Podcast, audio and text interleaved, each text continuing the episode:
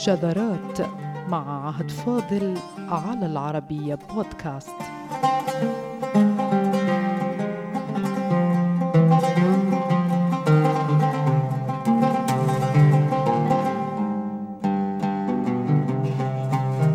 نتكلم اليوم عن موضوع غاية في الأهمية في اللغة وهو مفرداتها المهجورة والدور الذي ستلعبه لاحقا. بفهم جانب من تاريخ العرب والعربية فما لا نستعمله الآن كان في لحظة ما تخاطبا وأسماء وافعالا ومدونات تنطوي على شيء عزيز من تاريخ أمة. والكلمات التي لم نعد نستعملها بأي شكل من الأشكال واكتسبت صفة المهجور أو المتروك كما يعبر أهل العربية لا تزال تنتظر اللحظة التي تقدم فيها كنوزا من المعلومات اللغوية أو التاريخية أو الاجتماعية. فإن كنا لا نستعمل الكلمة الآن ثم لم نعد نعرف معناها فماذا سنفعل إذا أسفرت الكشوف الاثريه عن كلام عربي بمفردات مهجورة؟ بمعنى بكلام لا نستعمله ولا نعرف معناه.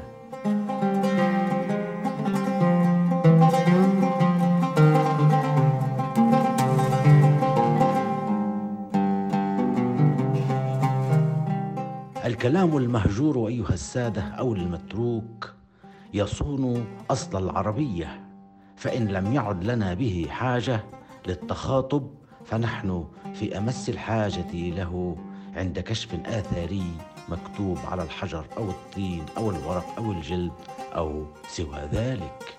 وهو ما حصل في الحقيقة مع تتابع الكشوف الآثارية التي يرجع عهدها إلى ما قبل الإسلام بقرون. فقد عمل مستشرقون على فك رموزها. ولما وقفوا على كلام عربي لا يستعمله العرب الآن أو في حينه اندفعوا إلى القول إنها ليست من الكلام العربي. وجميع ذلك حصل لأن المهجور في العربية القديمة ذهب أهلها ولم يعد يعرف الشكل الذي يستعمل فيه الكلام وقت ذاك.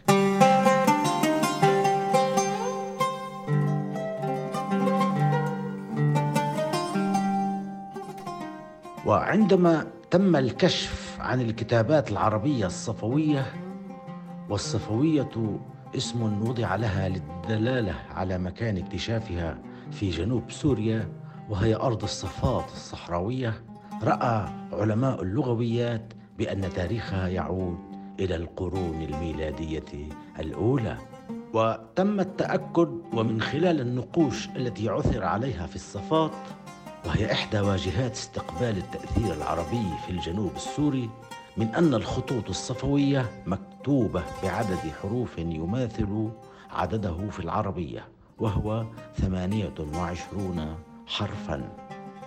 ويعتبر المستشرقون الذين درسوا تلك النقوش بأن كتابها من العرب أي كتاب النقوش الصفوية. وأن عربيتها لا تختلف عن عربية الجزيرة العربية بفروق كبيرة خاصة وأن نقوش الصفات دلت على الحياة الصحراوية لكتابها كما قالوا. وكل ذلك بحسب مستشرقين متخصصين أشهرهم الألماني إينو ليتمان الذي أخضع عشرات النقوش الصفوية للدرس والكشف بعدما كانت غامضة وعصية على سابقيه من المستشرقين الذين عملوا عليها ويؤكد ليتمان أن نقوش الصفات كتبها عرب.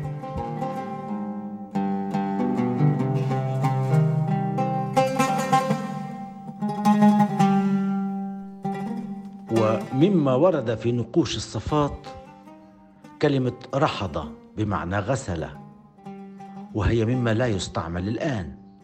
إلا أن مستشرقين آثروا إرجاع الكلمة إلى عموم التاريخ السامي أو ما يعرف باللغات السامية فيما يرد في اللغة العربية ما مفاده كل شيء قد غسلته فقد رحضته ورحضه رحضا أي غسله وقمص مرحضة أي مغسولة ومنها المرحاض المعروفة الآن هي من هنا أي موضع الرحض. وقد مال عدد من المستشرقين إلى اعتبار كلمة الرحض مجرد كلمة سامية عامة مع أنها حملت المعنى ذاته في العبرية أيضا كما قال المستشرق إسرائيل ويلفينسون. وكذلك هي في أمهات العربية ولم يضعها مؤلفو الغريب في الغريب أو المهجور إلا أننا لا نستعملها الآن إلا في دلالة اسم مكان الغسيل. والتنظيف كما هو معلوم.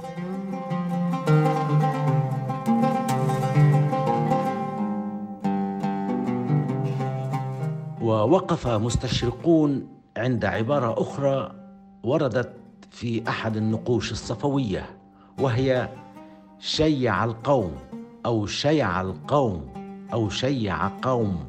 هكذا الأخيرة بدون إعراب. وانتهوا إلى أن شيع آرامية والقوم عربية وجاء هذا الاستناد كون الكلمة تستعمل في العصر الحديث بمعنى التفرق والتشرذم ثم بمعنى التشييع للميت أو شاع الخبر بمعنى انتشر وما إلى ذلك. إلا أن من الاستعمالات المهجورة لشيع ما يأتي بمعنى السوق والدفع وتشيع الغنم أي تتبعها. ومنه المشايعة بمعنى المتابعة فيكون شيع قوم أو شيع قومه أو شيع القوم بمعنى متابعتهم أو حثهم على السير. ولهذا تأتي المشايعة بالإعانة على السير فإن أصبح من المهجور ففي العودة إلى هذا المهجور كنز لا يفنى كما يظهر.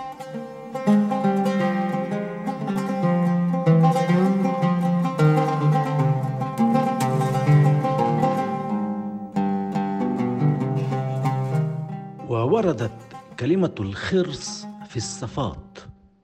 وقال المستشرقون إنها ليست مألوفة في سياقها بالمعنى الذي وردت فيه بالنقوش وهو القتل.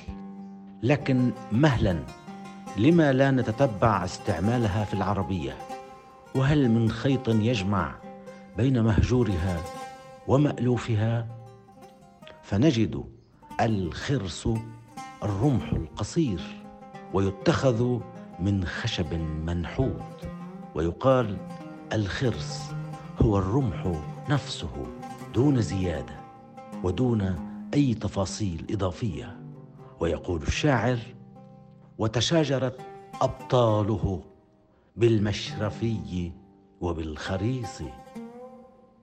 وجاء في الشعر العربي أيضا طرقتهم أم الدهيم فأصبحوا اكلا لها بمخارص وقواضب.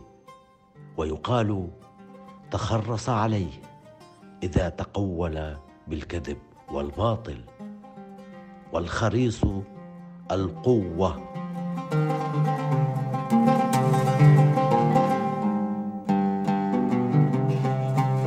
أفلا يكفي هذا كله ليكون خيطا بين مهجور بعيد منسي ومألوف قريب متداول فالمخارص الخناجر والخريص القوة.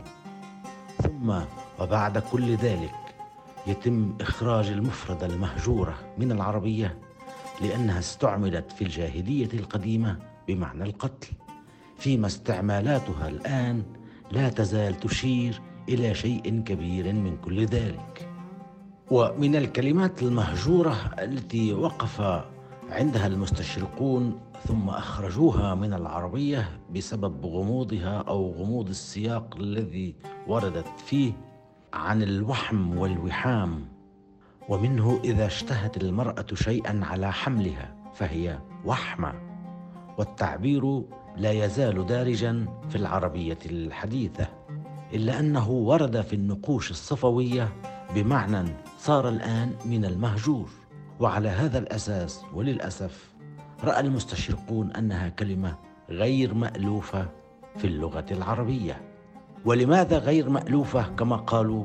لأن وحم في النقش الأثري جاءت بمعنى ترك علامة في الشيء وهي حقا غير مستعملة في العربية الفصحى الآن في هذا المعنى.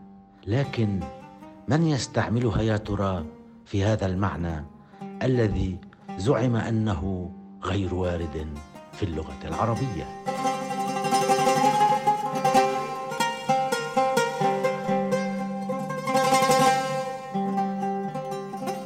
ما قيل إنه غير وارد بهذا المعنى في العربية القديمة تنقضه وتثبت أصله العربي واستعماله المهجور عند أهل الشام. فأهل الشام يطلقون اسم الوحمة على كل أثر في الجسم يظهر مع الإنسان عند الولادة وهي من أصلها كما هي في الفصحى الوحام أو الوحام الذي هو شهوة المرأة لشيء وهي حامل. فتكون الوحمة التي هي علامة بادية وفارقة من هذا الوحام وهي علامة تصاحب الوليد من مهده إلى لحده.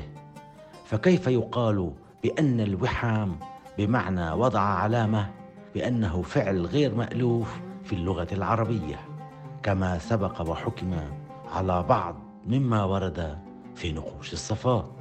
وفي السياق نفسه من أهم الكلمات التي أخرجها لغويون معاصرون وتجنبها المستشرقون كلمة المرطول تلك التي وردت في نقش يعرف بنقش اللجات.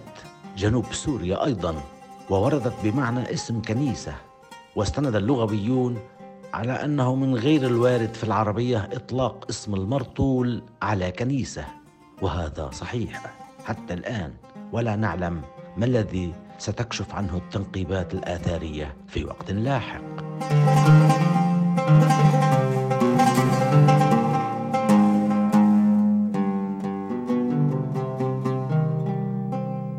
لكن أيها السادة المرطول الكلمة التي لم يعرف لها في العربية اسم كنيسة أو بناء هي أقرب إلى الطين نفسه الذي كان يستعمل في البناء.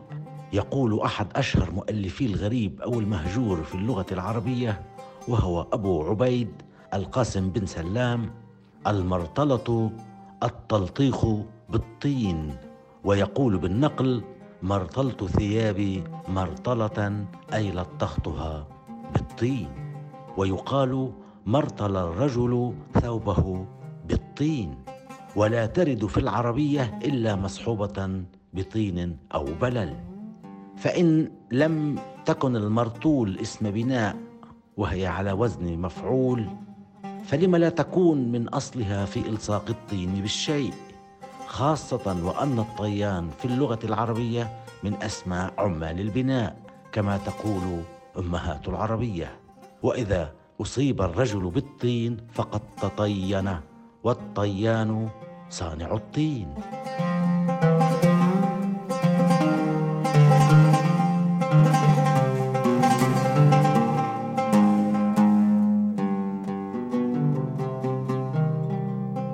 المهجور في اللغة العربية أكثر أهمية مما يظن أو يعتقد.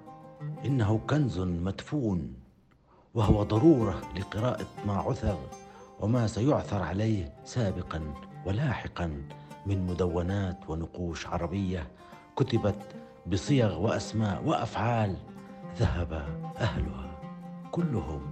ويمكن لها أن تضيء على جانب من جوانب تطور لغتنا الجميلة. المغرقة في القدم. لا لن نهجر المهجور بعد الآن.